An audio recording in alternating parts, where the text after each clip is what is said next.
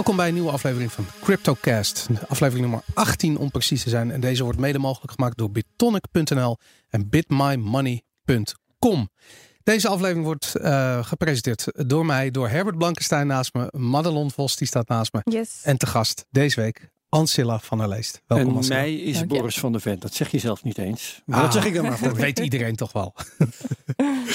Ancilla, welkom. Leuk dat je er bent. Dankjewel. Uh, we gaan zo meteen uitgebreid praten over privacy, privacy coins en uh, startpage want tegenwoordig ben jij werkzaam voor startpage.com. Ja. Uh, voorheen was je natuurlijk lijsttrekker voor de Piratenpartij tijdens de Tweede Kamerverkiezingen. Yep, yep, yep. Uh, en in die hoedanigheid natuurlijk altijd uh, gepassioneerd betrokken geweest bij privacy. En ik zie je altijd, of ik hoor je eigenlijk altijd, en ik zie je altijd in programma's praten over privacy. Dus wij dachten van laten we Ancilla uitnodigen en praten over privacy coins. Ja, Zo. het is mijn hobby en mijn beroep. Superleuk. Ja, nou, dat, is, dat is een luxe als je dat kunt combineren. Um, even kijken, we hebben nieuws uh, wat we gaan bespreken. We gaan tweets bespreken, maar ik wil eigenlijk eventjes beginnen met een audiofragment. En uh, dat komt van een persconferentie Um, die is gehouden in teken van de E3. Dat is een hele grote gamebeurs die op dit ogenblik in Los Angeles plaatsvindt. En deze persconferentie um, uh, werd gedaan door Devolver Digital. En zij zijn uh, altijd gevuld met uh, allerlei soorten satire. En zo kwam ook hun nieuwste project langs, de Lootbox Coin. I am thrilled to introduce you to our newest product. Loot Box Coin.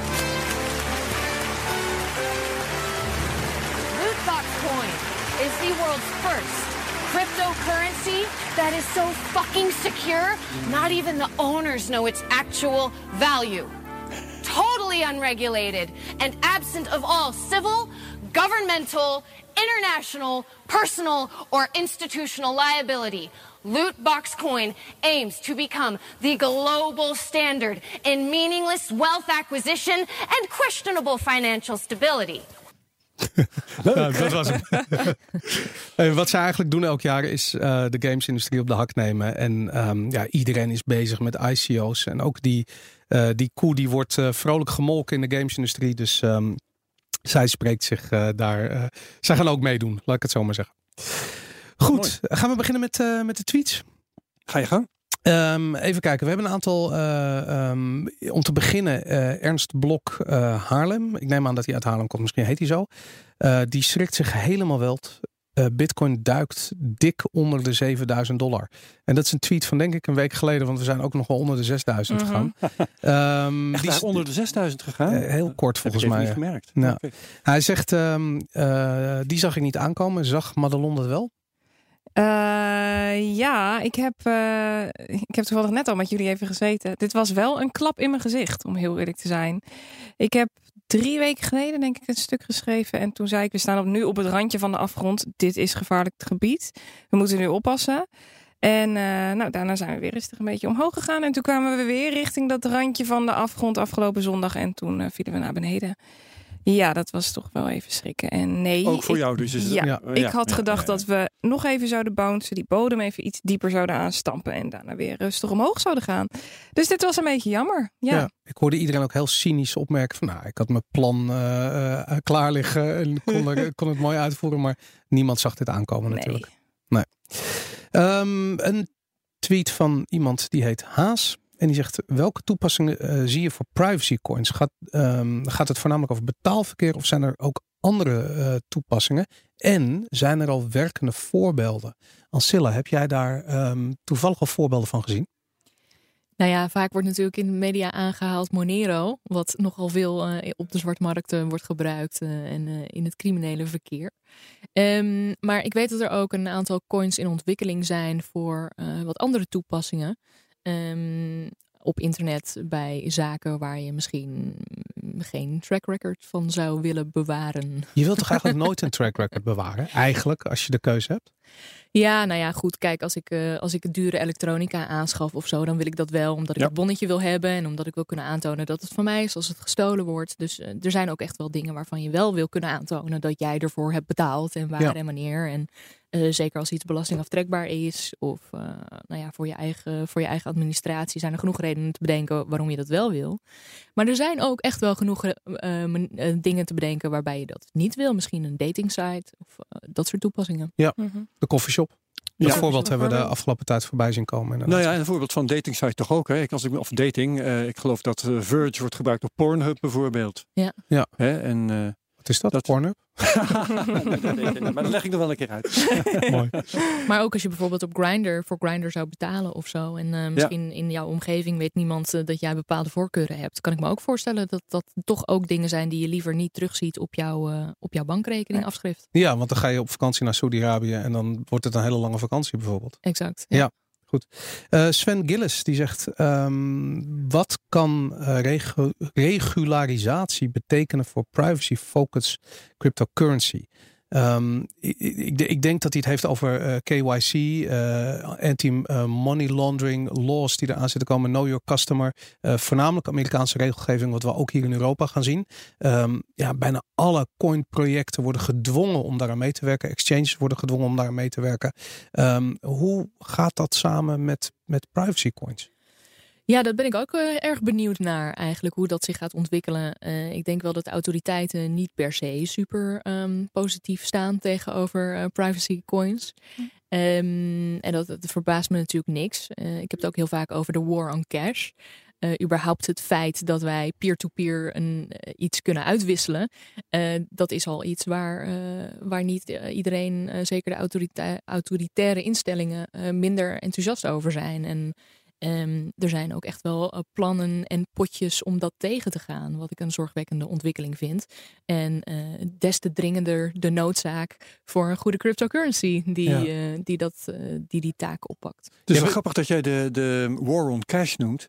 Is eigenlijk de, de papieren of de metalen euro de grootste privacy coin van allemaal? Ha, um, niet helemaal, omdat ik weet dat er ook uh, bepaalde rechtszaken zijn geweest waarbij um, uh, het, het issue-nummer van, een bank, ja. van bankbriefjes uh, zijn gebruikt om, uh, om aan te tonen wat de geldstromen zijn geweest. Dus geheel privacyvriendelijk is cash eigenlijk ook helemaal niet. Um, dus in die zin heeft, heeft zelfs cryptocurrency op dit moment, in ieder geval Monero, een streepje voor. Ja. Hey, en jij bent natuurlijk denk ik redelijk thuis in, in Den Haag. Je weet wat er speelt. Je hebt ook wat advies gegeven en, en lezingen gegeven erover.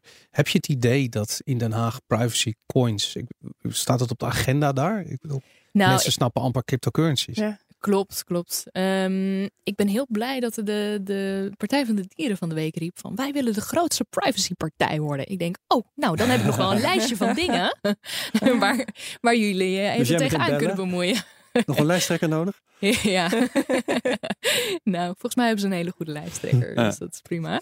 Maar uh, ja, dan, uh, dan hebben ze nog veel werk uh, te doen. Ja. veel werk aan de winkel. En ik denk dat crypto coins dat dat een van de dingen zal zijn waar zij dan ook een uitspraak over zullen moeten ja. doen. Maar het is jou niet bekend wat ze verder daarvoor, of ze daar echt consequenties aan, aan verbinden in hun programma of uh, weet ik nog veel. niet. Volgens mij is dat allemaal heel erg in de kinderschoenen. Ja, ja Volgens mij is dat ja. allemaal nog helemaal niet helemaal nee, goed uitgedacht. Nog veel te doen.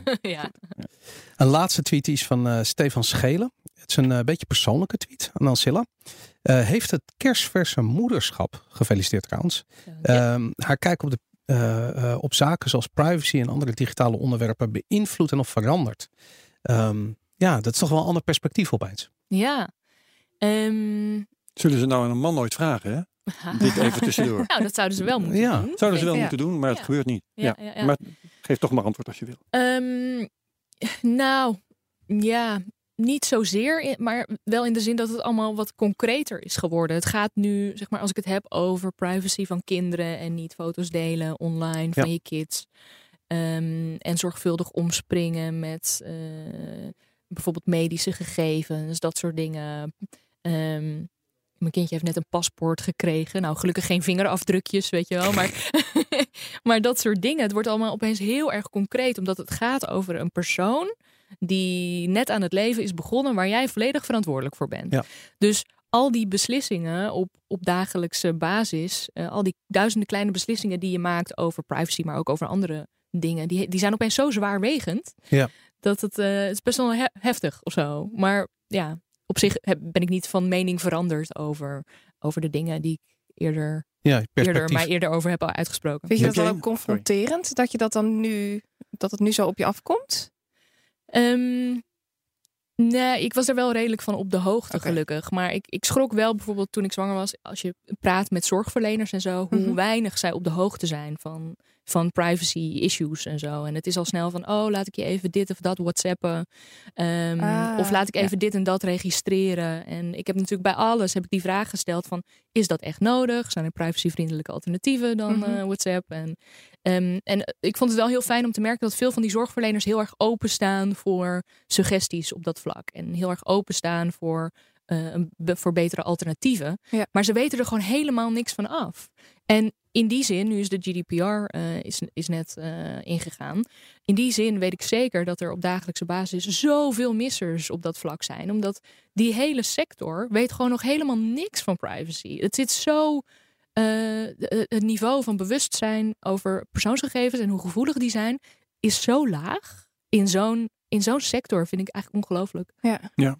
Heb jij een Facebook-beleid voor je kind of voor jezelf? Of eh, misschien wel voor de een anders dan voor de ander? Ja, ja, ik deel wel foto's, maar niet eh, echt van zijn gezichtje, zeg maar. Eh, ik deel ook bijvoorbeeld niet zijn naam. Zijn geboortedatum heb ik ook niet gedeeld. Ehm, eh, dus ja, ik probeer zo min mogelijk te delen. Maar ik moet zeggen, ja, als je overstroomt van de trots, dan is dat echt zo Lastig, hè? moeilijk. Ja, ja. Ik denk, oh, hij is zo schattig wat hij nou weer heeft gedaan. En iedereen moet het weten. Iedereen moet het weten, Ja. maar dan doe ik het toch maar niet. Nou, goed. Ja. Dus mijn, eh, mijn familie en vrienden worden flink gestalkt met alle schattige babyfilmpjes. Ja, maar wel beperkt in eh, de, wie je ermee bereikt. Ja, ja, ja zeker. zeker. En eh, dat maakt het ook bijzonderder. Hè? Want als je dus zoiets deelt met, met een intieme eh, groep mensen, ehm, dan, dan is het ook gewoon veel persoonlijker en veel, veel intiemer. En een veel, le- veel leuker moment wat je deelt. In plaats van ja, je pleurt het online en iedereen kan het zien of je het nou leuk vindt of niet, zeg maar. Ja. Ja. Hey, ehm, we gaan door naar het nieuws. Ehm, ik zie een aantal nieuwsberichten die we hebben klaargezet. Ehm, ik dacht, laten we beginnen met Madelon. Ja, zal ik beginnen? Ja. Ik had een eh, nieuwtje dat er onderzoek gedaan is naar eh Tether en Bitcoin. En de verhouding daartussen. En dat is wel heel erg bijzonder. Want eh, we hadden natuurlijk Thomas Bolle te gast. eh, Ja, schrijver van het artikel in FTM. Ja, precies. En dat ging over eh Tether en het geldspoor naar de ING. En over Bitfinex natuurlijk. En nu is er door een professor John Griffin en eh, promovendus eh, Amin Shams gekeken naar de relatie tussen Tether en Bitcoin. En zij concludeerden dat Tether ehm, gebruikt lijkt te worden om de Bitcoin-koers te stabiliseren, dan wel te manipuleren. En, maar hoe gebeurt dat dan? Op het moment dat er eh, weinig vraag is naar Bitcoin, zouden zij eh, nieuwe Tether tokens uit het niets creëren om daarmee weer Bitcoin te kunnen kopen. Maar, en daarmee wordt de vraag dus kunstmatig aangewakkerd. maar Bitfinex heeft gezegd, ik bedoel dat is de partij die achter de, eh, de creatie van die tokens zit. Die, die heeft gezegd van ja, wat er gebeurt. Mensen willen beleggen in crypto, bijvoorbeeld in bitcoin. Dan komen ze bij ons, dan maken ze dollars over naar eh, ons bedrijf. En wij eh transfer die dollars in de vorm van die tether naar eh, eh, Bitfinex, naar de exchange. Ja. En daar kunnen mensen daar bitcoin verkopen. Dus zij zeggen van ja, er zit wel degelijk echte vraag achter. Dat zeggen zij inderdaad, maar op het moment dat zij niet echt die dollars in hun bezit hebben, dan hoeft het dus helemaal niet waard te zijn wat zij claimen. Nee, En daar is een behoorlijk issue over. Hebben ze wel echt die dollar, want één tether zou gebackt moeten worden door één dollar. Ja. Is dat wel echt het geval? En nu uit het onderzoek van die John Griffin en Amin Shams lijkt nu dat er dus fake vraag gemanipuleerd, ja, dat de koers gemanipuleerd zou kunnen worden door die fake, eh, Ja. fake vraag. Wat zouden de gevolgen zijn als dit inderdaad waar blijkt te zijn? Dan zou er een flinke bubbel in de markt zitten. Ja. En die, No die kidding. Maar die bubbel die is, eh, wat ik begrepen heb, eh, op dit ogenblik 4 miljard. Eh, Ja. Dat is wat Tether eh, eh, aan, aan, aan, aan tokens heeft eh, gecreëerd. Wat, wat voor impact heeft dat op de prijs? Stel dat die bubbel zou barsten en de helft daarvan blijkt niet gedekt te zijn. Dat zou een behoorlijke impact kunnen hebben. Puur omdat je, eh, als je nu gaat kijken naar het volume, de, de grootste volumes die omgezet worden in de cryptocurrency markt, dan zie je dat Bitcoin op nummer 1 staat en Tether op nummer 2. Op het moment dat die wegvalt, dan hebben we echt wel een probleem. Want dan moet je gaan uitwijken naar een dollar of een euro. En dat kan niet zo makkelijk in cryptoland. En om toch dan een stabiele basis te kunnen hebben, ga je omwisselen. En dat gaat geen goede effecten, geen goed effect hebben. En daarnaast uh, is er natuurlijk een hele hoop, boel hoop gevestigd op die Tether. Ja. Het is de enige stable coin die nu zo stable zou moeten zijn. Uh, dat is gewoon wel echt gevaarlijk. Op het moment dat straks blijkt dat die 4 miljard niet gebackt is, dan uh, gaan we een enorme koersval zien. Ja, nee, geen twijfel over. Nou, spannend. Ja. Herbert? Ja, um, ik wou het dus hebben over EOS. Uh, een van de, van de meest geruchtmakende altcoins eigenlijk is heel erg hard gestegen de afgelopen tijd. Van 4 naar 22 dollar op zijn hoogtepunt, dacht ik. Ja, nou daar zit hij dus al lang niet meer. Nee. Dat is dan wel weer jammer, tenminste voor de EOS-holders. Maar er is iets raars aan de hand met EOS. En ik kan niet zeggen dat ik het allemaal zelf begrijp. Dus misschien dat jullie mij hier ook een beetje kunnen helpen. Um, hij is, uh, lees ik in uh, Coindesk, ergens um, hangt hij tussen launched en live. Ja. Hij is dus wel gelanceerd, maar nog niet echt uh, um, aanwezig. Weet ik veel hoe ik dat moet vertalen. En het heeft iets te maken met dat de tokenholders daarover moeten stemmen. Ja. En ze moeten daarover stemmen uh, met behulp van hun private key. En dan voel je het al aankomen natuurlijk. Dat is tricky. Uh, daar is software voor. en um, er, is, er is software die daar redelijk veilig voor schijnt te zijn. Maar um, even kijken, nou moet die ik... is heel moeilijk om te gebruiken. Dus command line software. die, ja. is, die is complex, die werkt alleen op de command line. En de software die iedereen kan gebruiken is niet zo vreselijk veilig. Nee. En je wil natuurlijk niet uh, met je private key uh, gaan uh, zwaaien Ja. op een manier die misschien wel door anderen gezien kan worden. Daar heb je de privacy dus weer. Maar het zegt natuurlijk ook wat over de EOS bezitter. Hè? Ik bedoel de... Um, Dat hij niet eens met de command line om kan gaan. Nou, maar en dat ze niet geïnteresseerd zijn in stemmen. Ze hebben gewoon zoiets van: ik wil gewoon meeliften naar boven. En daar verkoop ik het alweer een keertje. Met Ja. andere woorden, die coins staan op een exchange. En die staan helemaal niet in iemand zijn wallet en private keys. En ja, mensen kan het helemaal niet schelen. Ze zitten gewoon aan boord voor, voor, voor het ritje naar boven. Ja. Eh, En that's it. En dat Nou, is wat ik niet begrijp, dat is dat die coin nu dus wel gewoon op, op exchanges is. Je kunt erin handelen. Dus wat betekent het eigenlijk dat die hangt tussen launch Ja, het- en live het- in? Wat is de praktische betekenis? Het gaat om de mainnet. De mainnet is gelaunched. Dus, EOS is een eh, op Ethereum gebaseerde token. ehm, eh, ERC20 token. En dat betekent dat, dat, zie je veel. En dan op een gegeven moment was hun doelstelling van nou, we gaan ook een eigen blockchain lanceren. Dat hebben ze dan nu gedaan. Ehm, en die tokens moeten ingewisseld worden. En om dat proces helemaal te vervolmaken, moet er dus nog een stemronde plaatsvinden. Ja. Alleen zie je dus dat er niemand thuis is. Zij hebben gewoon zoiets van we organiseren Interesseert een, ze niet. Inderdaad, niemand interesseert het, want eh, dat is niet waarom je in EOS zit. Je zit gewoon in EOS omdat je denkt dat het morgen meer waard is dan vandaag. Maar interesseert het niemand iets? Want op het moment dat nu, ik zag net de koers, die staat nu op 10 dollar. Die is dus 50% eh, in elkaar gedonderd. Ja. Op het moment dat het je niets interesseert, maar die koers wel, dan ga je toch gewoon zorgen dat je stemt. Ja, behalve dat, je- da- laat ik zo zeggen, het, het zou best kunnen dat, dat mensen willen stemmen en het niet durven, omdat ze dan met hun private Dat keys in een of andere vage app eh, in de weer moeten. Dat, Ja. dat, dat lijkt me ook meespelen. Maar ik kan me ook gewoon voorstellen dat, zeker in hoe de markt zich nu beweegt, dat je wil gewoon je coins op een exchange hebben staan en je wil kunnen ingrijpen als het moet. Ehm, ja, dat is waar. En dan, dat betekent dat die coins eigenlijk constant heen en weer geschoven worden binnen zo'n exchange. Ja, dan, eh, dan gaat er helemaal niemand meer stemmen. Daar is niemand mee bezig op dit ogenblik. Mhm. En ik, vind- ik vind dat tekenend, omdat je ziet bij, bij de bitcoin bezitters beheerst heel veel beleving. En dat verwacht je eigenlijk ook bij alle andere coins. En dat blijkt dan niet te zijn. Ja, ik weet niet wat er zou gebeuren als je alle bitcoin-bezitters zou moeten laten stemmen. Hoor. Die geven dan oeh. misschien wel net zo hard niet thuis Ja, dat zou als kunnen. eh, die van. Er is nog een andere reden trouwens waarom dit mij fascineert. Mhm. En eh, dat heeft te maken met het, nou, het feit dat hier een stemproces Ja. eh, eh, nodig is. En dat er blijkbaar software is die wel betrouwbaar is. En software die niet betrouwbaar is. Nou, we hebben natuurlijk allerlei glazen gehad in dit land, maar overal ter wereld eh, als het gaat om stemcomputers. Ja. En ehm, waar ik nog niet aan toe ben, dat is eens even uitzoeken hoe die eh, wel betrouwbare stemsoftware dan werkt. Want dat zou misschien wel relevantie hebben daarvoor. Het is be- betrouwbaar tussen aanhalingstekens. Het, het Daar gaat was om ik dat, al bang voor. ja, het is, er is een derde partij die de, die de eh, software gecontroleerd heeft. Ja. Dat, dat is het enige. En dan de- moet je dus hen vertrouwen. Kom moet je je dus hun toch weer vertrouwen. bij die derde partij Ja. uit. Ja, nee, en dat is het interessante. Het gaat om vertrouwen. Dus hier zie je al gelijk, want uiteindelijk is dit terug te brengen tot het proof of stake versus proof of work principe. Exact. Ja, Ja. ja. En proof of stake betekent dus toch dat je vertrouwen moet hebben in derden, waar proof of work eh, trustless is. Dus je hoeft niemand te vertrouwen, behalve de wiskundige algoritmes die eraan ten grondslag liggen. Ja, ja, en ja, dat, Daar ben, dat- ja, da- daarom vind ik Bitcoin zo'n voorsprong hebben op bijvoorbeeld EOS hier. ja. Oké. Maar goed, Ja. Heb jij iets gezien in Bitcoin of in crypto de afgelopen week wat je is bijgebleven waarvan je dacht van dat moeten we hier even bespreken? Ehm, inderdaad. Ik overval je er een beetje mee, dat realiseer ik me. Dat, eh, Nee, dat is oké. Ik vroeg me af of jullie het wel eens hebben gehad over decentralized exchanges.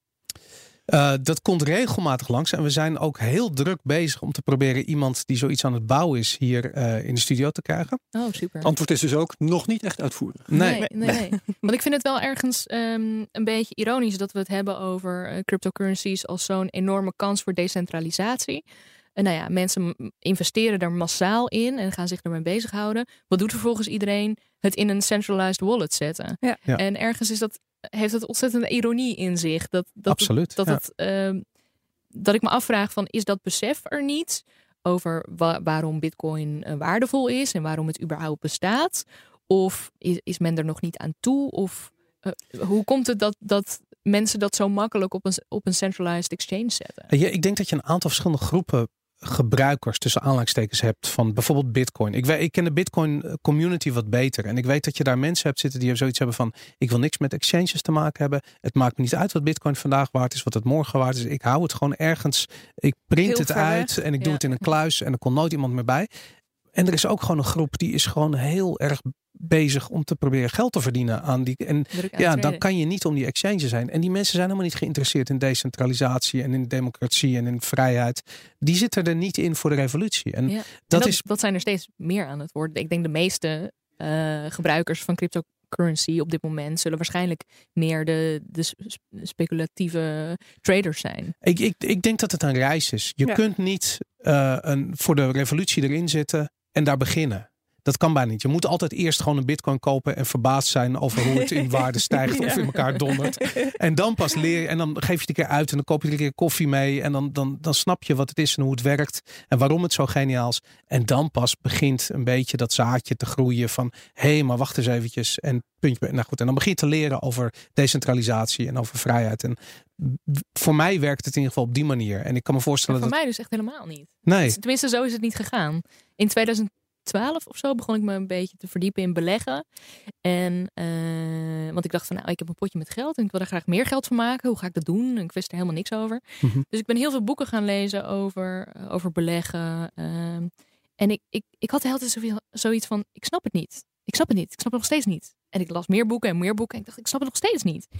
En toen ben ik op een gegeven moment echt bij de heel, heel erg basale vragen aangekomen van, wat is geld? Ja. Waar Ja. komt het vandaan?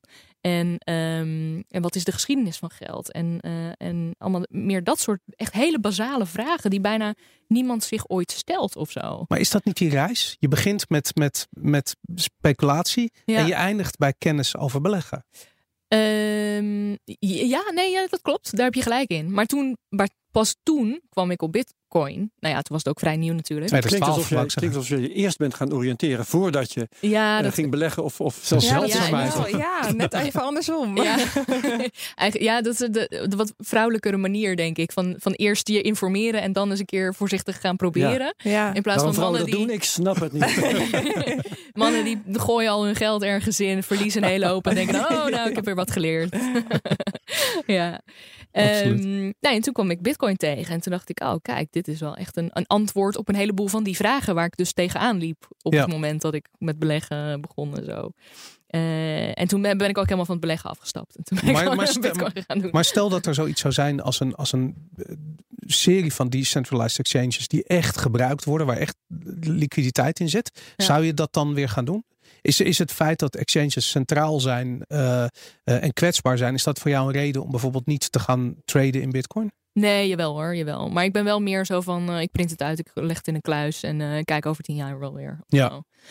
omdat ik, ja, ja, nou ja, jullie hebben het gezien de afgelopen week. Het fluctueert zo ontzettend. En ik, het is zoiets, in the grand scheme of history is dit zoiets nieuws. Ja. En zoiets revolutionairs. Dat ik gewoon denk dat we kunnen gewoon totaal niet inschatten waar dit, waar dit heen zal gaan. En het is gewoon als, als het uitvinden, uitvinden van het wiel. Weet Ja. je wel? Ja. Dit gaat zo'n impact hebben op manieren die wij echt totaal nog niet kunnen bedenken. Maar dat vind ik het mooie. En dat is denk ik ook waar deze podcast over gaat. Is die proberen die manieren in kaart te brengen. En daarom wil ik straks ook over die privacy coins praten. Omdat ik het zo interessant vind. Er zijn nog niet heel veel toepassingen. Hier en daar zien we eens een keertje wat, wat voorbij komen. Maar er zijn niet, het is nog niet heel duidelijk hoe belangrijk dat gaat zijn. Maar goed, daar gaan we het zo meteen eh, over hebben.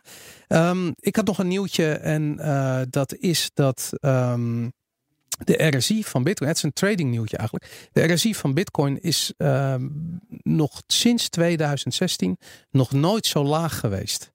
En ehm, ik, ik weet niet waarom dat dit, ehm, eh, dit, dit, dit nieuwsbericht me, eh, me, me aansprak. Maar ik heb namelijk het idee dat wat er nu met Bitcoin gebeurt, met die prijs in ieder geval van Bitcoin gebeurt, dat het. Eh, dat we nu echt de bodem aan het testen zijn. En eh, Madelon die trekt hier een gezicht van wat Wishful zeg thinking. jij nou weer? Straks zitten we op 1000 oh, dollar. Boris, Boris, je legt er zoveel emotie in. Ja, ik Doe weet het niet. Eh, nee, het klopt inderdaad wat je zegt. Eh, ik zit nu eventjes de grafiek erbij te pakken, want ik heb dit nieuwtje nog niet voorbij zien komen. Ehm kijkend naar de grafiek zijn we ja, voor de laatste keer inderdaad eh, eind 2015 nog zo laag geweest als dat we nu zitten. Ehm, nu is het zo dat de RSI eh, loopt van 0 tot 100. Mhm. En dat je een, eh, boven de 70 in een over in principe in een overbought punt zit en lager dan 30 in een oversold punt. Eh, nu zitten wij rond de 40. Oké. Dus dat betekent dat we nog best wel even wat verder zouden kunnen zakken. En dat is op de daily. Dat is op de weekly. Op de weekly. Op de daily zijn we wel vaker zo laag geweest. Waren we afgelopen februari nog zo laag. Ehm, even kijken wanneer nog meer. Dan gaan we wel iets verder terug overigens. Dan zaten we in eh, juli 2016. eh, dat we voor het laatst zo laag waren. Maar eh, op dit moment kunnen we echt nog wel verder zakken. Ach, Ik ga strakjes met de, met de prijsanalyse zal ik het helemaal uitleggen. Dus hou je niet te erg vast aan de, de nieuwsberichten. Nou, la- eh, laten we gelijk dan maar daarmee beginnen, denk ik. Ja. Eh, de prijsanalyse. Ik, ik bedoel, dit, dit, dit, ja, ik weet niet, maar de, de fundamenten zijn aan het schudden onder Ja. crypto. Een crypto trilde op zijn grondvesten. Dat bedoelde ik eigenlijk te zeggen. Ja. Het was niet, eh, niet leuk meer. Ehm, ik zal even teruggaan naar afgelopen zondag. De koers die stond toen op een niveau van rond de 7500, als ik het goed zeg. Ik heb geen lens in. Ehm, en we zijn uiteindelijk naar een dieptepunt van 6100 en... Oh, ik dacht dat we lager waren geweest. Oh ja, hier. 6137, dus net niet onder de 6000. Verschilde per exchange. Ik Ja. weet dat er inderdaad één Ja, exchange klopt. was. Ik heb nu Coinbase erbij eh, staan. En eh, we zijn uit die symmetrical triangle gebroken. Naar beneden. Dus het randje van de afrond eh, waar we drie weken geleden over hadden. En vorige week was die inderdaad in zicht. Maar dat we zo ver zouden vallen, eh, dat had ik ook niet verwacht. En dat kwam natuurlijk door die hack Ja. op, eh, wat was het nog maar? Ja, je- denk je dat? Nog wat. ja, Ja. iets in Zuid-Korea. Maar de- dat zei de iedereen maar. 90ste eh, exchange van Ja, de kijk- wereld of iets dergelijks. Ja, kijk, weet dat het heeft is? er niks mee te Het maken. ging maar om 40 miljoen. Ja. Maar op het moment dat dat zo groot uitgelicht wordt, iedereen heeft het over een hack. Ik kwam het op Telegram tegen, ik kwam het op, op WhatsApp tegen. Iedereen had het erover. Er vindt een hack plaats. Help, wat moeten we doen? En iedereen raakt in paniek. En dan krijg je dit, dan krijg je een paniekspike. En dan ratst het door allerlei eh, supportlijnen heen. Ja. En dan krijg je de autobots die dan afgaan. En eh, dan is er geen houden meer aan. En op een gegeven moment heb ik nog eh, dat was niet zo heel erg slim van mij, heb ik afgelopen week, ik denk dat het dinsdag was, dat ik zei, nou, zitten we toch wel ongeveer een beetje aan de bodem. Daar zat ik dus eventjes goed mis. Ehm, maar nu durf ik wel enigszins te zeggen dat we weer wat positieve divergentie hebben. Dat hadden we gisteren al een beetje op de 4 uur grafiek, op de 1 uur grafieken. Ook de altcoins die gaan weer ietsje omhoog. Ehm, maar we zijn door die symmetrical triangle heen gebroken. En dat is wel echt eh, vanuit technische analyse termen wel een behoorlijk Dat is, issue. een, dat is een dingetje. En nu hebben we nog één steunpunt eh, waar ik aan kan refereren. En dat is februari 2018. En toen zat, zagen we een koers, Herbert die knikte heel mooi ja. Toen zagen we een koers van 5900. En als we daar Ja. doorheen zakken, nou, dan, dan weet ik het niet meer. Dat is de einde zoek. Dan eh, eh, ja. hebben we, ja, Maar ik heb wel het idee... kunnen we voordelen gaan shoppen. Ja, ja precies. dan is bitcoin in de uitverkoop, Nou absoluut. ja, want ergens denk ik wel van, oh, dit is wel goed nieuws misschien om even wat in te slaan. Of Ja. niet? Ben ik de enige daarin? Zijn jullie nu allemaal helemaal failliet? Nou, Dat, eh, nee, het Nee. gaat niet zozeer om geld. Het gaat meer om, de, om het sentiment. Ja. En, en dit, eh, kijk, dat is het vervelende aan die prijsdiscussie. Dat op het moment dat die prijs omhoog vliegt, dan heb je gelijk. Hè? Als, ik bedoel, als voorstander voor de revolutie heb je dan opeens een argument. om te zeggen van, maar kijk eens wat er gebeurt. En nu gaat hij naar beneden. En dan heeft iedereen die er tegen is, die heeft dan gelijk. En die zegt dan van, ja, maar Boris, eh, zie, je nou wel? Weet je, dat, dat, Zo'n momentopname Ja. ja, dat is het Ja. ook. Dat is het ook, ja. Ehm, en dan denk ik van ja, goed, dat is dan vandaag. En volgende week is het weer. Ja, weet je, volgende maand is het, is het weer 20, Precies. 20k, weet je wel. Ja, we hebben nou alweer zo, zo vaak gedacht van oké, nu zullen we het ergste wel gehad hebben. En weet je wel, nu is het alweer een tijdje aan, nu zal het wel weer doorstijgen. Nou, Ja, absoluut. De, de 3000 is in ieder geval nog niet geweken. Dus eh, Niet Ja. geweken. Dat zou, dat zou dus serieus een mogelijkheid zijn. Dat we naar 3000 die optie is er nog steeds. Ja, we zijn nu naar beneden, beneden uitgebroken. Dus eh, 3000 is dichtbij, Boris. Het is maar een factor 2 omlaag. Ja, Ja. Dat inderdaad. is maar Ja. 50 Het is ongelooflijk. En Maar natuurlijk, wat, wat we ook, ons ook nog niet realiseren, in, in 2014 denk ik dat dat was, of 13. Toen was er een heleboel paniek. En dat was helemaal. Ja, eh, iedereen zei: Bitcoin is dood, het komt nooit meer goed. eh, en van alle kanten krijg je dan om je horen geslingerd. Zie je wel. En eh wat stom dat je, 2014 was dat je dit ooit hebt gezegd. Ja, precies. En toen was het daarna heel rustig nadat Bitcoin een paar Ja. keer dood was verklaard. En dat moment moeten we weer krijgen. Dat, het, dat er niks meer in het nieuws is. Dat men er niet meer over schrijft. En dat zie ik nu nog niet. Dat we maken een- nog steeds deze podcast. Dus, Ja, eh, dat was een tergend saaie periode, kan ik Ja, je vertellen. precies. En ik heb er Daar meegemaakt. moeten we toch wel naartoe. moeilijk met een Ja. paar handen vol sites die alleen maar gespecialiseerd Ja. zijn in crypto nieuws. Ja, het is, Dat het is een andere wereld. hey, en hoe kijk je aan tegen de, tegen de altcoins? Want eh, die hebben we, als we dachten dat Bitcoin hard naar beneden ging, dan hebben we de Ja. altcoins, die hebben, eh, die, die hebben echt vuurwerk laten zien. In, In de- negatieve zin. in dollartermen was het eh, een flinke implosie van alle altcoins. En je zag ook gisteren alweer dat de altcoins weer wat sneller omhoog gingen dan Bitcoin. Waar, waarom is dat? Waarom gaan altcoins harder omhoog of naar beneden dan Bitcoin? De Bitcoin die is natuurlijk, dat is de standaard. Dat is net als dat de dollar voor ons eh, huidige economie de standaard is. De Bitcoin zien wij als standaard. Op het moment dat de Bitcoin naar beneden valt in dollartermen, Mhm. dan is dat bijvoorbeeld een procent of 7. Maar dan is het in altcoin termen nog extra een stukje erbovenop. Want dan heb je de altcoin Bitcoin koers en daarnaast dus de altcoin dollar koers. En als je Ja. hem dan in dollar pakt, is het een stukje erger. Maar pak je hem in Bitcoin, dan zie, je- zul je zien dat die ongeveer gelijk is aan dat aan het percentage wat Bitcoin ten opzichte van dollar daalt. Ik hoop dat men het nog een beetje begrijpt. Eh, het, is, het heeft een overdrijvend effect. Ja. Dus op de altcoins, die, die slaan altijd net even een stukje door. Dat kan de ene kant op, dat kan de andere kant op. Oké, Dat nou, is de ik- enige verklaring die ik ervoor heb. Duidelijk. Mensen zijn bang. Ja. Ik wou nog even benadrukken dat wij geen beleggingsadvies geven. Eh, we zijn geen ehm, experts. En dat gaan we nu ook zien eh, in de game Zo. die eh, we, eh, aan het spelen zijn. Eh Ancilla, eh, wij spelen hier met z'n eh, drieën een virtuele eh, beleggingsgame. Waarbij we aan het begin van het seizoen 1000 dollar hebben belegd. En daar is nu eh, nog bij elkaar opgeteld nog geen 1000 dollar van over, geloof ik. In ieder geval, eh, misschien zou ik beginnen. Ik sta op 522 dollar. Ehm, en dat is, eh, dat is een all-time low voor mij. Ehm, ja, Is dat zo? meer kan ik er niet van maken. Ik ben begonnen met 1000 dollar. Er is 522 dollar van over. Het is, ik, laat ik zeggen, ik heb, eh, meer, ik heb dingen gedaan waar ik meer plezier aan had. Toen ik vier, eh, eh, wat is het, ruim 4000 of 400 eh, dollar heb uitgegeven dan, dan dit. Ik bedoel, dit, dit is eigenlijk heel geleidelijk. Is dit gewoon in de, alsof ik elke in de gracht heb gegooid. Waar zit je nu nog in, Boris? Ehm, dat is een goede. Ik heb de helft in Bitcoin zitten. En dat is ook eerlijk gezegd wat het overeind houdt. Eh, ik had Bitcoin private. Daar heb ik, eh, ben ik groots ingegaan en groots mee onderuit gegaan Mhm. eh, begin dit jaar. En ehm, nou, er is nog iets wat ik eventjes niet paraat had. Waar ik nog een heel klein beetje van had. Volgens mij was dat eh, Tron. Maar ik, ik, ik weet niet zeker. Maar het was voornamelijk Bitcoin en Bitcoin private. Dat was mijn, eh, mijn strategie. Oké. Eh, ik zit nog even te kijken naar eh, de bitcoin koers van dit moment. Oh, je wil hem echt. eh, oh, je hoopt dat hij nog een beetje. moment. Komma 84, wacht even hoor. Vanochtend stond je op Oké. 548, Ja, nee, 85. ik, ik sta met mijn portefeuille op 557,56 op dit moment. Het staat 9, 9 euro, de 9 dollar en ja, zoals de mensen die regelmatig luisteren wel weten, ik zit tot mijn strot in altcoins. Dus ik krijg dan ook op dit moment de hardste klappen. Want vorige week stond ik 200 dollar bijna hoger. Dus mijn portefeuille is van eh, meer dan 750 naar net iets meer dan 550 Ja. naar beneden gelazerd. En ehm, ja, waar, waar, wat ik dat mijn eh eh, NIO's, wat oorspronkelijke waarde had van 100 dollar, Mhm. staat nu op 33. Dus er staat bijna 70% in de min. Mijn Walton Chain geldt hetzelfde voor, ook 33, ook bijna 70% in de min.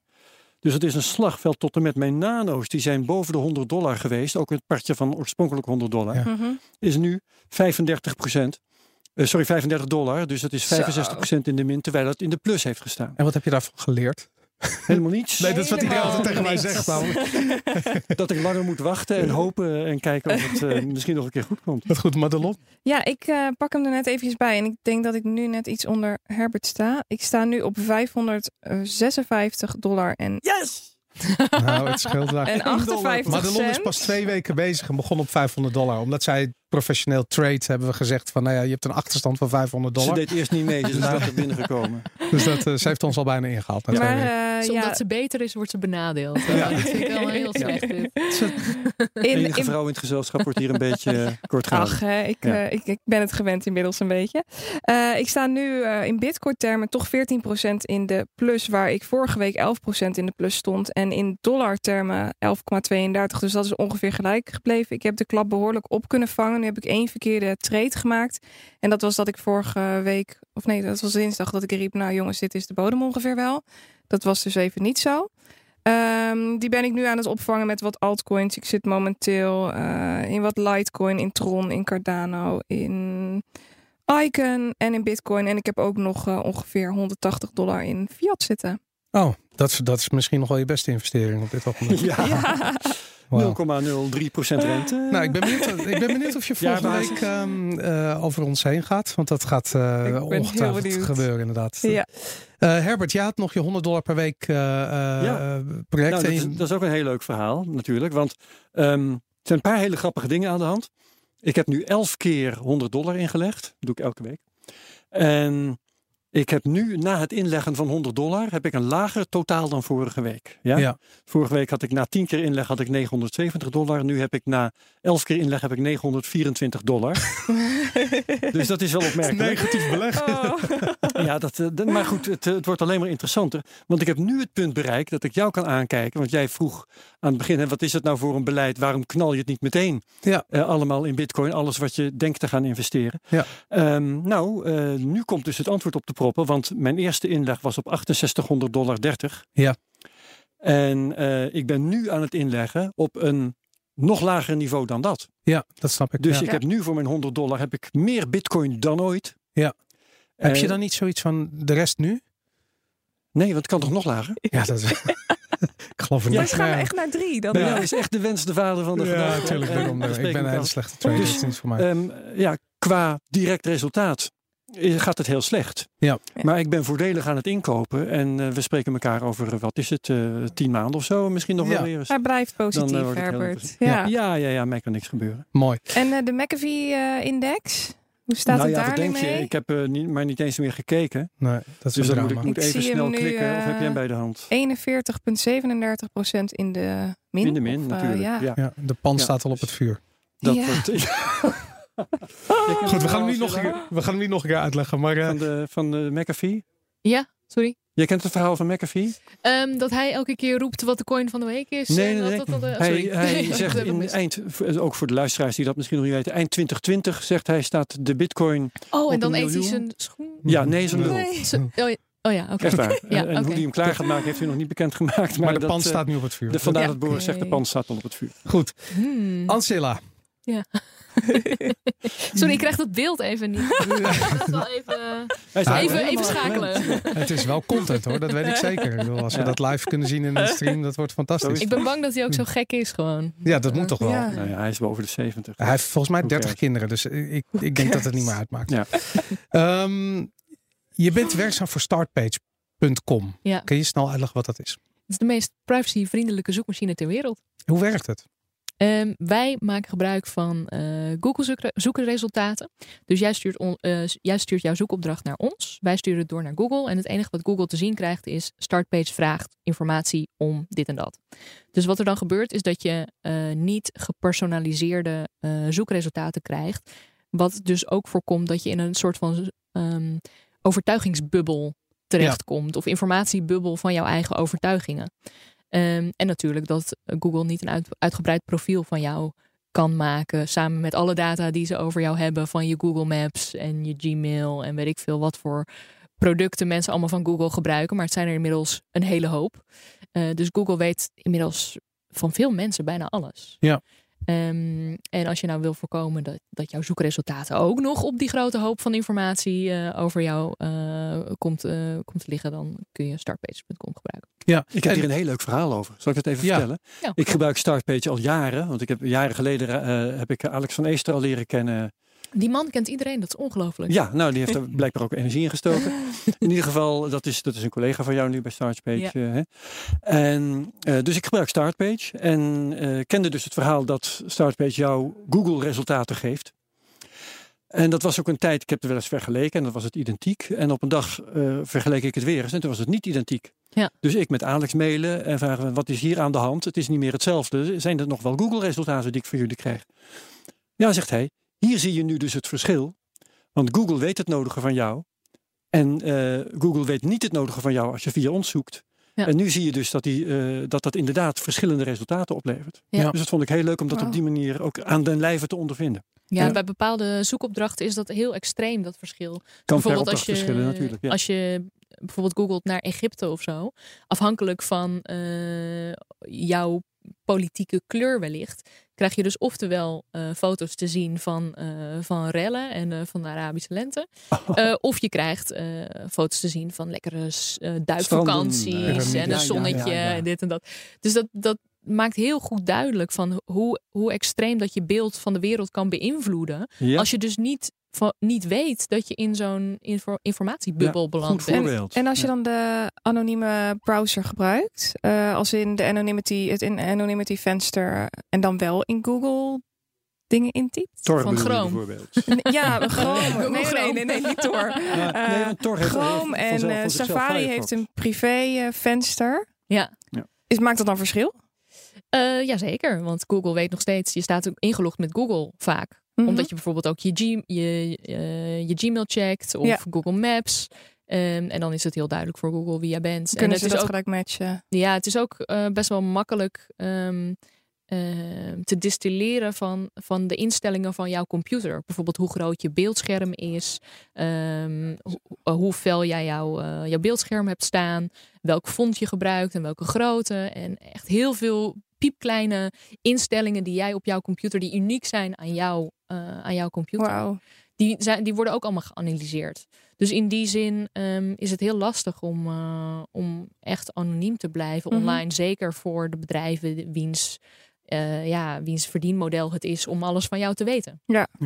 Hey, Startpage bestaat al een aantal jaar. Ehm, Heel lang, 20 jaar. 20 jaar al, serieus? 20 Maar jaar? pas vanaf 2006, nou ja, dat is ook echt al heel vroeg natuurlijk, Ja. eh, zijn we echt helemaal volledig privacy gegaan. Oké. Ligt het niet voor de hand om een ICO te doen en iets te verzinnen waardoor er heel veel geld binnenkomt? En- Omdat het hip is en, eh, Daarom, ja. en een beetje buzz creëert. Ja. Nou, we, ik ben best wel trots op Startpage in de zin dat het echt een no-nonsense eh, merk is. You- what you see is what you get. We zijn heel transparant over Mhm. wie we zijn, wat we doen en wat jij krijgt.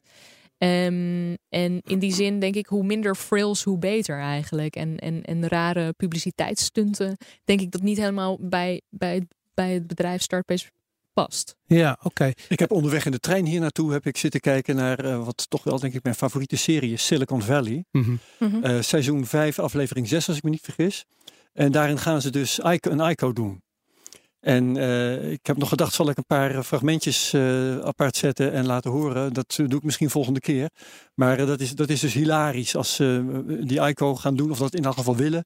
En daar op allerlei manieren hun neus mee stoten. Ik heb begrepen dat ze hem Maar ook wat jij echt gedaan van- hebben trouwens. Dat ze het echt gedaan Ze hebben. hebben het echt gedaan. Dus als promotie voor de serie hebben ze echt een ICO gedaan. Oh, dat heb ik even gemist. Ja, ja, dat moeten we misschien volgende week even Ja. over Ja, hebben. oh, dat, gaan- dat gaan we uitzoeken Ja. tot op de bodem. Hey, en Ancilla, eh, eh, ik bedoel, als privacy zo belangrijk is. Ik bedoel, niets is belangrijker bij privacy, denk ik, dan transacties. eh, eh, omdat dat een soort van de basis van informatieuitwisseling is. Heb ik me ooit laten vertellen. Nou, inmiddels wel, omdat je zoveel kleine transacties per dag doet. Ik denk dat het 100 jaar geleden was dat heel anders. Ja. Je, je kocht misschien drie kledingstukken per jaar en eh, ja, Je het de gewoon markt, he- ja. Maar nu, maar nu, ja, de hele, he- de hele economie is gebaseerd op constante consumptie.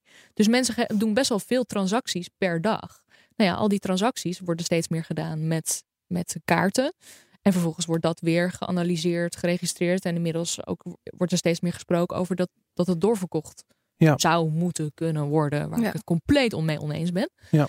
Ehm, dus in die zin, ja, het betalingsverkeer zegt steeds meer over ons. Waar we waren, met wie we waren, wat we aan het doen waren, wat onze prioriteiten zijn in het leven. Ik kan me voorstellen dat je ook bijvoorbeeld psychische problemen eruit kunt distilleren, je uitgavenpatroon. Eh, het zegt gewoon ontzettend veel van je als je daar wat, eh, wat big data analyses op loslaat. Ik heb er een vraag over aan jou. Eh, Want er is inderdaad een, een affaire geweest met ING. Hè? Die wilden dan op een of andere manier hun informatie wilden ze aanwenden om te adverteren. om hun klanten aan ze ook advertenties bloot te stellen. Prenatal was dat volgens mij. Oké, maar volgens mij is het uiteindelijk ook weer afgeblazen. Ehm, en iedereen in de pers in ieder geval eh, vertelde elkaar het verhaal dat ING de data van hun klanten zouden gaan verkopen. Maar het was wel ietsje anders volgens mij. Ze, wat ze wilden, dat was, die, eh, eh, dat was eh, een advertentiemakelaar toegang geven tot die data, ehm, maar niet de adverteerders toegang geven tot die data. Ja. En met andere woorden, ze, ze wilden wel advertenties verkopen, maar de informatie over wat hun klanten precies deden, die hielden ze zelf. Ja. Het was een constructie die wel een, een, een muurtje zette tussen eh, hun klanten en derde partijen. Ja. Vind jij dat ook verwerpelijk of vind je dat dat wel kan? Kijk, het, het valt eigenlijk heel goed te vergelijken met wat er de afgelopen maanden met Facebook is gebeurd. Facebook zegt ook van we zullen nooit jouw data delen met derden, bla bla bla. Maar wat er wel gebeurt, is dat zij adverteerders eh, de kans bieden, zo gezegd, om eh, de gigantische hoeveelheid aan data die zij over Facebook en ook niet-Facebook gebruikers hebben, om die in te zetten om op te adverteren. Ehm, nou maakt Zuckerberg altijd een, een, groot, een grote show van de bedoeling dat die data uitlekt, dit en dat en zo, en zo. En hij verpakt het een beetje als zijnde, ja, wij geven om jullie privacy.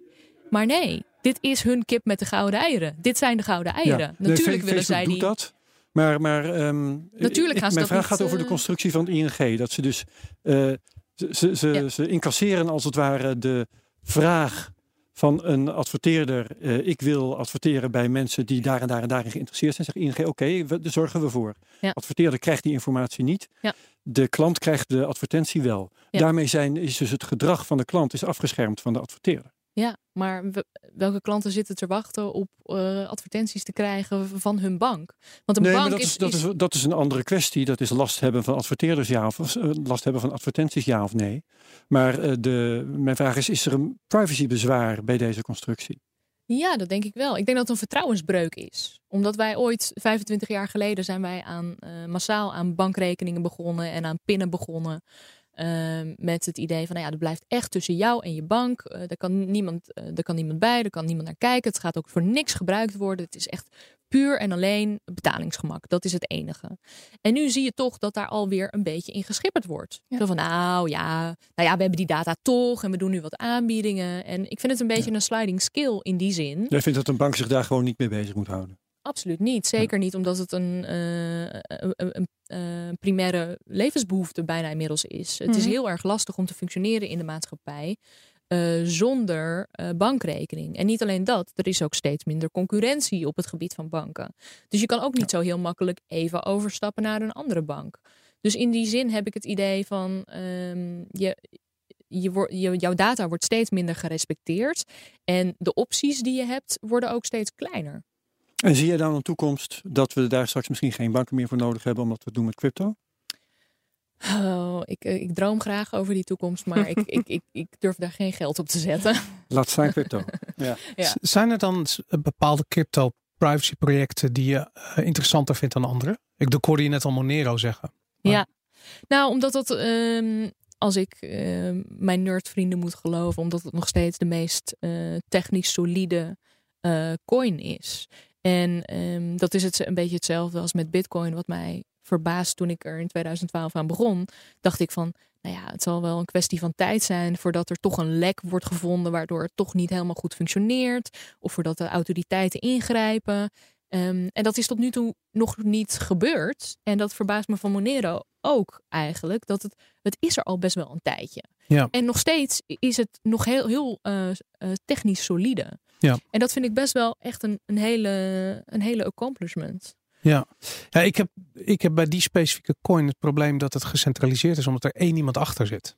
En op het moment dat je één iemand. Monero. Bij Monero, ja, daar zit eh, eh, Fluffy Pony, dat is zijn, zijn programmeernaam, eh, die zit Oké. erachter. En dat maakt het ook Heel weer kwetsbaar. Ja, maar als zo'n als zo'n project bij wijze van spreken een directeur heeft, dan is dat de zwakke schakel. Ik bedoel, Ja. stel dat ze hem morgen ontvoeren, eh, dan, eh, ja, we- weet ik het, dan, dan, dan wordt die coin overhoop gehaald. Of eh, ja, wat er ook gebeurt. Er er kan van alles misgaan in zo'n project. En dat is op dit ogenblik de zwakke schakel, denk ik. En daarom denk ik van ja, een echt anonieme privacy coin. Ik, ik weet niet of ze er zijn. Er zijn een boel projecten die het claimen. Ja. Maar ja, het moet allemaal nog bewezen worden. Maar los van die programmeur is het toch hartstikke anoniem.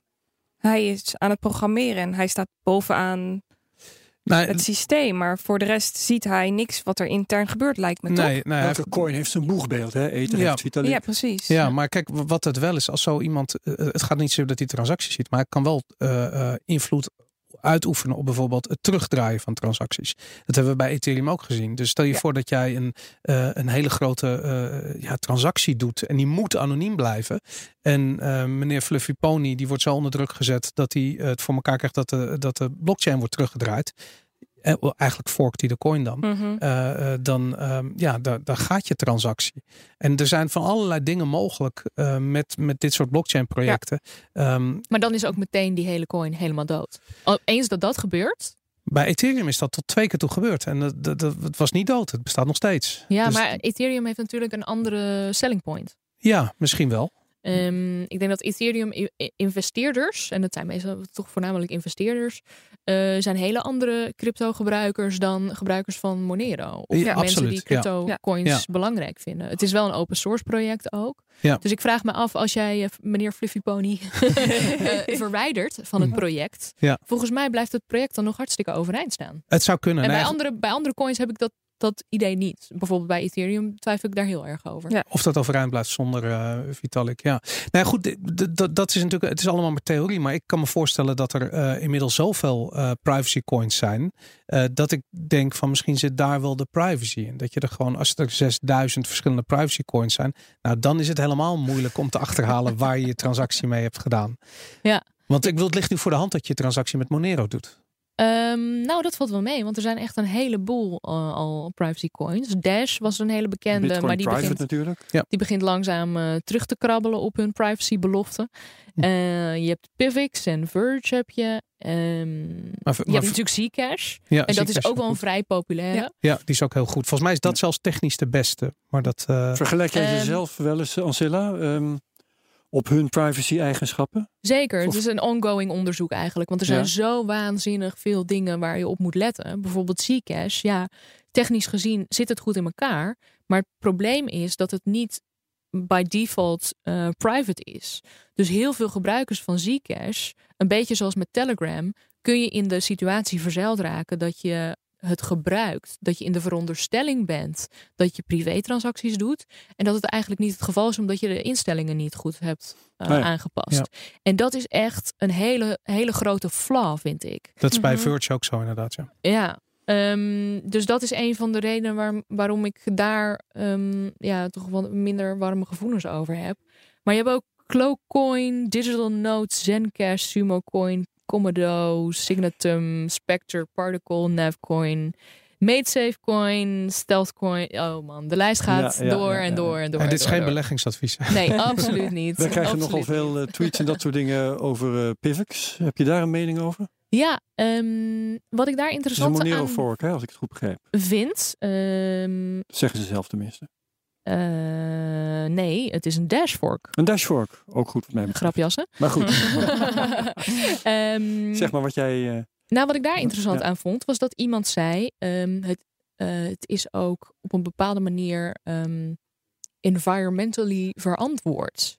En dat vind ik wel een hele interessante selling point, omdat je natuurlijk toch heel veel discussie hebt over ehm, Bitcoin en hoeveel energie het verbruikt en of, of dat wel in de toekomst schaalbaar gaat zijn, et cetera, et cetera. Dus dat Pivix nu ehm, gaat roepen dat zij eh, op een bepaalde manier een groene coin zijn, Ja. Dat vind ik heel interessant. Maar ik weet het fijne er nog niet van, dus ik moet er nog even in Oké. duiken. Het klinkt een beetje als marketing. Als ik dat soort dingen Ja. hoorde, heb ik altijd. Kijk, dat is het. Denk ik ook. Proof ja. of work heeft een probleem opgelost. Wat echt al zo oud is. Als, wat, wat eeuwen oud is. Het is gewoon een wiskundig probleem. En eh, dat, ja, dat kost nou eenmaal energie. Er is niks aan te doen. Proof of work. Het is, er is geen free lunch. Dus die, die, die trustlessness zonder proof of work. Ik denk dat dat niet bestaat. En al die, die proof of stake eh, projecten, daar zie je ook van. Ja, maar dan vertrouwen we de gebruiker. Of dan is er een ja. trusted party. Of dan zijn er trusted nodes. Of weet Dan ik veel dingen als net met EOS waar we het over hadden. Daarom inderdaad. Ja. Het gaat weer om vertrouwen. En ik vind dat, dat juist het mooie dat dat niet zo is. Hey, ik, ik zocht eventjes naar eh privacy-vriendelijke zoekmachines in combinatie met ICO's. En ik vond er maar liefst twee die dat al gedaan hebben. En nu ga je onze concurrenten noemen. Ah, dat vind ik Nee, ik, ga ze, ik heb Nou, ze misschien moeten we dat wel van het commissariaat van de media. DuckDuckGo, DuckDuckGo. Nee, DuckDuckGo was niet. Maar wat ik zo interessant vond aan die projecten is, ik dacht van ja, waarom moet iedereen nou weer een ICO? Natuurlijk om, om, het, om, het, te, eh, eh, om het te betalen. Oké, de ontwikkeling is duur, snap ik. Maar wat zij doen is dat ze ehm, eh, ook advertenties meeleveren. Ehm desnoods Google advertenties, maar wel geanonimiseerd via een of ander filter. Ehm, maar jij krijgt als bezoeker uitbetaald in hun coin voor het eh, consumeren of eigenlijk genereren van de advertenties die Google serveert. Ehm, een andere verkoopt gewoon zelf kaartadvertenties en betaalt jou als kijker van die advertenties voor, ehm, eh, voor je moeite, als het ware. Ja. Ehm, eh, wat, wat, wat, Ik zal er eens naar gaan kijken. Mooi. Nice. Ja, ik, eh, ik durf te wedden dat daar wat haken en ogen aan zitten. Maar Ja. ik laat het je weten. Hey, jullie hebben een samenwerking aangekondigd. Ik zag het via Twitter voorbij komen. Via jouw Twitter volgens mij. Met, eh, en ik ben even zijn naam kwijt. Excuus. Dat was een van de figuren verantwoordelijk ooit voor de PGP ehm, eh, encryptie eh, techniek. Phil Zimmerman. Phil Zimmerman, inderdaad. En hij is een legendarische cryptograaf. Ja, Eh, ja. Volgens mij inmiddels al ver in de 60. Of eh, ik weet niet. Hij is, hij is echt een oldschool eerste generatie privacy voorvechter, denk Ja, ik. hij heeft PGP. strong. Hij heeft, hij heeft de technologie om eh, privé te mailen, heeft hij uitgevonden. Ja. Dus dat die man überhaupt nog leeft en dat ik hem ken. Ik bedoel, het is, hij heeft toch ook gewerkt aan, aan zo'n cryptofoon. Die heeft ook Ehm, eh, gedaan? hij heeft een heleboel dingen gedaan op het gebied Ja. van cryptografie. Dus dat zou me niks Het verbazen. is als echt niet eh, dat hij. PGP heeft bedacht en daarna niks meer heeft gedaan of zo. Die Nee, is echt, heeft meer eh, gedaan, ja. echt heel druk geweest. Maar wat, wat doet hij voor startpage.com? Ehm, nou ja, we hebben ook eh startmail.com. eh, startpage.com mail. Eh, waarbij je dus op een redelijk gebruiksvriendelijke manier eh, kunt mailen. Net zoals Gmail. Het is, een, het is een betaalde dienst wel. Ehm, maar het is inderdaad encrypted, de PGP. En die servers Dus- staan in Nederland? Ehm, je kan kiezen welke servers je gebruikt bij ons. Oké. Ehm, maar een deel van die servers staan in Nederland. Ja, dus dat, je kan ervoor kiezen om, eh, om die te gebruiken. Ehm, en hij gaat ons helpen met de ontwikkeling daarvan. Want dat is natuurlijk ook, dat bestaat ook al, eh startmail.com bestaat ook al heel lang. Dus het is ook een, een, een ontwikkeling die wij doormaken van continu het product verbeteren. Ja. En gezien wij PGP gebruiken, ja, wie beter om bij het team te hebben dan de man die PGP heeft uitgevonden. Absoluut. Hoe groot is startpage.com? Ik, ik kan het niet plaatsen namelijk. Dat is het raar. Je zegt het bestaat zo lang en ik ken het echt door jou. Maar Ja, we zijn heel groot eh, in Amerika. Nou ja, relatief groot in Amerika. Ehm, omdat ik toch denk dat daar al wat eerder het besef van, van privacy eh, leefde. Ja. Dankzij zeker. Patriot Act en dat soort dingen. Ja, Ja. inderdaad. Ehm, en, en wij in Europa, nou ja, op, niet, bijvoorbeeld niet in Duitsland. In Duitsland zijn we ook best wel groot. Maar Nederland, op een of andere reden, we zijn een Nederlands bedrijf. Maar toch lopen we hier nog een beetje achter met het besef van dat het best wel belangrijk is om. Het- eh, het is ook iets heel te Nederlands, toch? gebruiken. Dat zit heel diep. Ik weet niet zo goed waar dat vandaan komt. Ik heb er wel mijn theorietjes over of zo. Maar het verbaast me echt af en toe hoe, hoe naïef Nederlanders soms zijn met hun data. En, en dat, dat heb je in andere landen niet. Ik hoor Ja. ook heel veel om me heen dat mensen dan zeggen: ja, ach, wat maakt het uit dat Google weet wat ik allemaal Google. Ja, Wat vind je daar dan van? ik begrijp het ook wel ergens. Omdat we natuurlijk zo aan, die begin, aan het begin Ja. van die informatierevolutie staan. Dat we nog helemaal niet goed beseffen. Zeg maar, net, met, net zoals met de industriële revolutie. Nou ja, toen dat nog in de kinderschoenen stond. Was, Mhm. het, was het heel lastig om de sociaal-maatschappelijke impact daarvan eh, te, te zien. Of te voorspellen. Ja, En nu zitten we in die informatie. ehm, ja, toch een soort van tornade, zeg maar Revolutie. Ja. revolutie. En ehm, het is heel erg lastig voor mensen om in te schatten ehm, waar dat heen gaat. en ook wat voor impact het heeft als Google al jouw gegevens heeft en als Facebook al jouw. Zeker, want we weten natuurlijk ook helemaal nog niet waar, waar Google in de toekomst Nee, heen precies. zal gaan. Maar dat zij eh, heel erg machtig zijn en inmiddels groter dan, eh, dan vele landen. En ook machtiger dan vele landen. Ja. Dat is wel een zorgwekkende ontwikkeling. Nou ja, plak er dan nog eens aan dat zij, eh, nou ja, inderdaad dus ook onder de Patriot Act vallen. En dankzij Snowden weten we ehm, dat zij ook echt wel actief eh, leveren aan, eh, aan, aan de Amerikaanse overheid. Ja, em, kijk, onder Obama hadden zeker veel mensen nog zoiets van, ah ja, nou ja, ach, het is Amerika maar. En eh, als het nou de Russen waren of de Chinezen, nee, dan maakte ik me erg, zorg- echt zorgen. Maar, eh, maar nu Trump aan de macht is, zijn er opeens toch wel veel mensen die zoiets hebben van, oh, misschien voel ik me hier niet helemaal zo lang bij.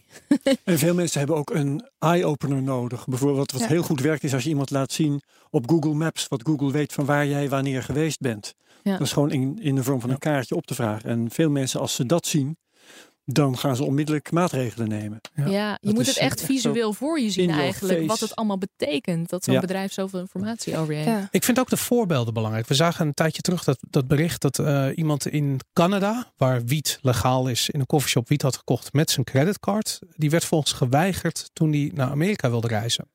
En eh, ik, ik, ik realiseer me opeens van ja, dat zijn het soort voorbeelden waar mensen wakker van worden. Weet je, als je gewoon je realiseert van ja, ik ga voor mijn werk regelmatig naar Amerika. En je hebt nooit de link gelegd met wat je daadwerkelijk hier in bijvoorbeeld Amsterdam van dag tot dag doet. Weet je, ik stel je voor dat je een, een, eh, een kop koffie afrekent bij een partij die misschien ook wel eh, via dezelfde pinaccount eh, wiet verkoopt verderop in een koffieshop. Ik zeg maar wat, weet je. Of, of je, je whatever. Er zijn zoveel scenario's te verzinnen waarbij je vervolgens in de problemen komt. Ja. Op het moment dat die, die, die, die, die, die- ja, dat scannen van die informatie gewoon gemeengoed wordt. Ja, ja, ja, zeker. Nou, en dan hebben we het nog niet eens over datalekken en over identiteitsdiefstal en over Ja. dat soort dingen. Als, als, als instanties of mensen alles van jou weten, word je ontzettend kwetsbaar voor misbruik van die informatie. Zeker wanneer je die uit context haalt, eh, kunnen dingen opeens een hele andere betekenis krijgen dan wanneer je het volledige plaatje zou hebben. Ja. Of over eh, dingen kopen met bitcoin trouwens. Hè? Want dat staat dan in de blockchain en Ja. is tot in eeuwigheid op te vragen. Ja. Absoluut. Dat is, dat is eh, ook heel confronterend. Daar heb ik ook wel eh, eh, dingen over gelezen. Dat je denkt, oeh, even uitkijken wat ik eigenlijk koop met mijn bitcoin. Ja. Ja. Zie, je daar, zie je daar verandering in optreden? Zie je, zie je sowieso realisatie bij mensen optreden dat ze niet zomaar alles kunnen doen wat ze zouden willen doen zonder erbij na te denken? Ja, het, het- het is heel jammer dat het zo moet werken, maar je merkt toch wanneer dan privacy issues dagelijks in de krant verschijnen, zoals met die GDPR en zoals met eh, Facebook eh, en Cambridge Analytica, en waar dat toch dat het voor politieke doeleinden wordt gebruikt en dat het ook wordt gebruikt. Niet alleen, het is niet dat die kennis statisch is. Dus het is, het is niet zo dat die kennis over jou wordt vergaard en die komt ergens op een server te staan en er, er er gebeurt niks mee. Dat is niet het geval. Het wordt Mhm. gebruikt om, eh, om vervolgens invloed op jou te- uit te oefenen. Ja. En in het beste geval is dat om iets te kopen. In het ergste geval is om, de, om, om jou van iets te overtuigen eh, om, om politieke doeleinden. En dat is wel een, een beetje een, een zorgwekkende gedachte. En ik denk dat dat heel erg zichtbaar is geworden met het Cambridge Analytica schandaal. Ja. En dat dat echt wel wat radartjes in gang heeft gezet bij, bij Tegelijkertijd mensen. is, dat, is het ook heel geniepig, omdat je het niet echt merkt. Hè? Dat is, er worden watjes naar je gegooid en op een gegeven moment dan buig je een beetje die kant op. Ja. Maar juist eh, die, eh, dat politieke overtuigen, dat doen ze ja, door je eh, op een, aan een iets andere nieuwsselectie bloot te stellen dan je anders misschien zou zien. Ja. En je merkt dat nooit. Terwijl een advertentie die jou iets probeert te verkopen, die zie je gewoon. En daar ga je wel of niet op in. Dat Ja. is, eh, dus, dus eh, dat laatste, dat politiek is veel geniepiger. Ja, En dat merken mensen veel minder, zelfs als je het, ze- eh, als je het uitlegt. Veel mensen denken nog dat bitcoin anoniem is. Hè? En dat als je een bitcoin transactie doet, dat dat niet, niemand kan het herleiden. En wie weet nou welke wallet ik heb, dat soort dingen. Ja. Hoe, hoe, hoe, hoe ziet de werkelijkheid eruit? Nou ja, het, het, het, is, het is publiekelijk. Alle transacties die daarop staan zijn publiekelijk. En er staat niet met je naam en je adres en je geboortedatum erin. Maar wel met herleidbare gegevens. Dus op het moment dat er grote transacties plaatsvinden die eh, illegaal van aard zijn. En jij valt sowieso al op omdat je de laatste tijd in wel een hele grote Lamborghini rijdt. Ja. Nou, dan is het niet heel lastig om, om, om, om die datapunten aan elkaar te binden. Die Lambo, dat is echt een giveaway. Hè? hey, maar ik heb, eh, ik heb begrepen dat met name als je naar crypto kijkt. eh, ik weet dat er een Israëlisch bedrijf die er ontzettend goed in is. Die, die doen chain analysis. En die brengen metadata samen met ehm, eh, ja, data die bekend is. En ik heb begrepen dat bij de meeste landen die gebruik maken van de diensten van het, dat Israëlische bedrijf. eh, dat die tot 80 of soms wel meer procent van de bitcoin wallets kunnen herleiden op fysieke personen. Ja. Ehm, ik, ik, ik, als ik dat zeg tegen mensen, niemand gelooft dat. Is dat zo? Ja. Het verbaast mij. Dat het, want eh, kijk, Bitcoin heeft natuurlijk ook nooit eigenlijk echt geclaimd dat zij nou heel erg privacyvriendelijk, dat het echt een privacyvriendelijke coin is. Of de Nou, het kranten had wel roepen de dat reputatie, Ja, eh, dat is zeker Ja. in het begin, hè, omdat iedereen op Silk Road met eh, bitcoin betaalde, ja. dat dat de anonieme munt was. en dat de de politie daar echt niet achter kwam en zo. Ja. En het is, dat, die kennis is pas later doorgecijpeld, dat dat best meeviel. Eh, daarvoor was nodig dat de politie eerst doorkreeg hoe je eh, mensen moest achterhalen. En ja, toen werd het langzamerhand wel, eh, kwam het in het bewustzijn. Eerst van de criminelen natuurlijk en daarna van ons allemaal. Ja, inderdaad. Ja. ja, dat zeg ik. We staan nog zo aan, de, aan, het, begin, aan het beginpunt van, van al deze ontwikkelingen. En dat we echt nog heel vaak bij verschillende dingen op, op onze bek zullen gaan om daarvan te leren, om het vervolgens weer anders te doen. Ehm, en zo komen, komen Monero vervolgens eh, de wereld in. Ja. Maar ehm, ja, het is één grote, één, grote één grote leerles is dit gewoon. Dat is dat Deze is- hele dat- ontwikkeling. ja. Ja. Ehm, even ter afsluiting, want we zijn al meer dan een uur bezig. Eh, hoe maken mensen gebruik van startpage.com? Eh, nou ja, je gaat naar www.startpage.com. Maar ik zit bijvoorbeeld altijd op mijn mobiel. Ik, ik ben zelden nog meer op desktop search engines bezig. Ja, je kunt een shortlink eh, installeren op jouw, nou ja, misschien op je iPhone. En dan lijkt het gewoon op een appje. Dan open je die. Die brengt jou naar www.startpage.com. Oké, top. En Nou, vervolgens eh typ jou je zoekopdracht in. Klikt op enter. En dan krijg je je resultaten. Veilig en anoniem. Ja, inderdaad. Top. Nou, Ancella, eh, hartstikke bedankt voor je komst hier. Heel graag gedaan. Dank voor je tijd.